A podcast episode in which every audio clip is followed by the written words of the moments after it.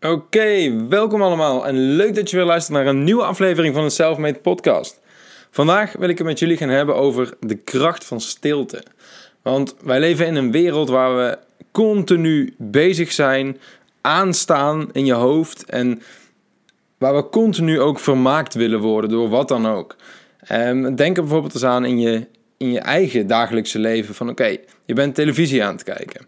Uh, wat doe jij als er reclame is op televisie? Of misschien wel zelfs tijdens de aflevering die je aan het kijken bent. Waarschijnlijk pak jij je telefoon of ga je op zoek naar dingen om te doen. Want vijf minuten stilzitten en niks doen, dat is gewoon bijna niet meer normaal in je hoofd. En een ander voorbeeld. Wat doe jij als je voor een rood stoplicht stilstaat? Er zijn weinig mensen die gewoon stil gaan staan in een normale houding, handen langs hun, langs hun heupen en wachten totdat het groen is. Waarschijnlijk ga jij toch even of je, je handen over elkaar of je gaat op je telefoon kijken. Um, je gaat dingen doen, want je, je staat gewoon bijna niet meer stil met rust in je hoofd. En hetzelfde met een pauze van werk. Wat ga jij doen als je aan het werk bent? En je hebt pauze. En dan voornamelijk even als je alleen bent. Kijk, als je met collega's bent, is de kans groot dat je gaat lopen met collega's. Dat je mensen om je heen hebt. Maar als je alleen aan het werk bent en je pauze, wat ga je doen? Waarschijnlijk ga jij op je computer kijken, op je laptop kijken, weet ik veel wat. Hetzelfde als jij ochtends alleen aan tafel zit je boterham te eten of je bakje yoghurt te eten. Waarschijnlijk heb jij in je rechterhand je boterham en in je linkerhand je telefoon.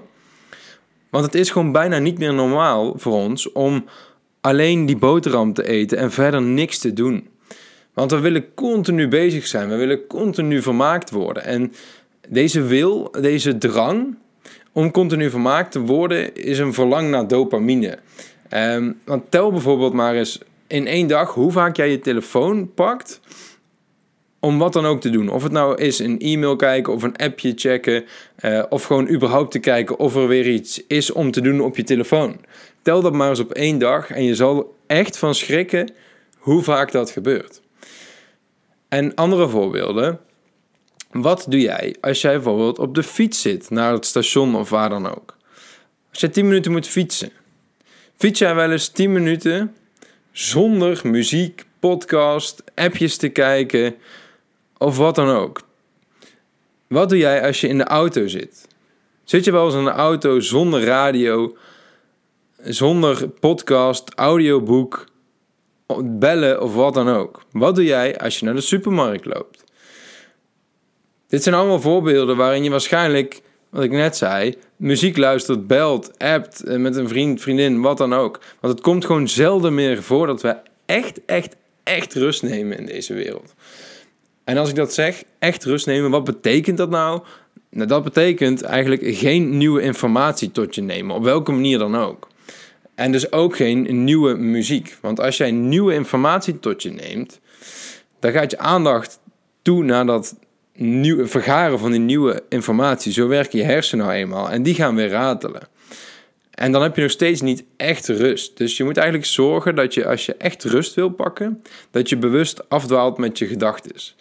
Natuurlijk kan je niet bewust gaan zeggen: ik ga afdwalen, maar het bewuste gedeelte gaat vooraf aan het afdwalen. Dus doordat jij bewust geen, nieuw, geen telefoon hebt, geen nieuwe informatie tot je neemt, geen nieuwe muziek, geen podcast, geen, dus eigenlijk geen triggers hebt, doordat je bewust al die triggers even wegspeelt, dan ga je afdwalen met je gedachten. En op het moment dat je afdwaalt met je gedachten en dus je rust kan pakken, dat zal echt resulteren in uiteindelijk een betere focus en meer productiviteit. Want jouw hersenen hebben gewoon rust nodig om lang te kunnen focussen.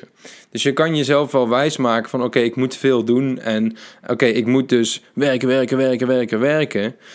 Maar, en ik neem geen pauze bijvoorbeeld, dat je zegt oké, ik werk de pauze door, maar dat werkt alleen maar aan rechts. Want het is gewoon bewezen dat je rust nodig hebt, dat je pauzes nodig hebt. Dat is niet eens een optie.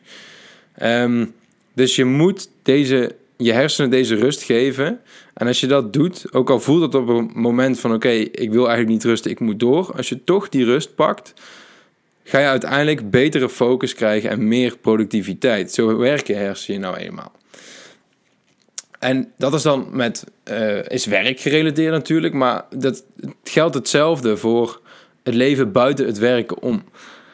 Ehm, dus zorg dat jij niet continu laat vermaken en je toegeeft aan een drang naar dopamine. Dus fiets eens naar het station of loop eens naar de supermarkt. En ga dan eens bewust even geen muziek opzetten, geen podcast, niet appen.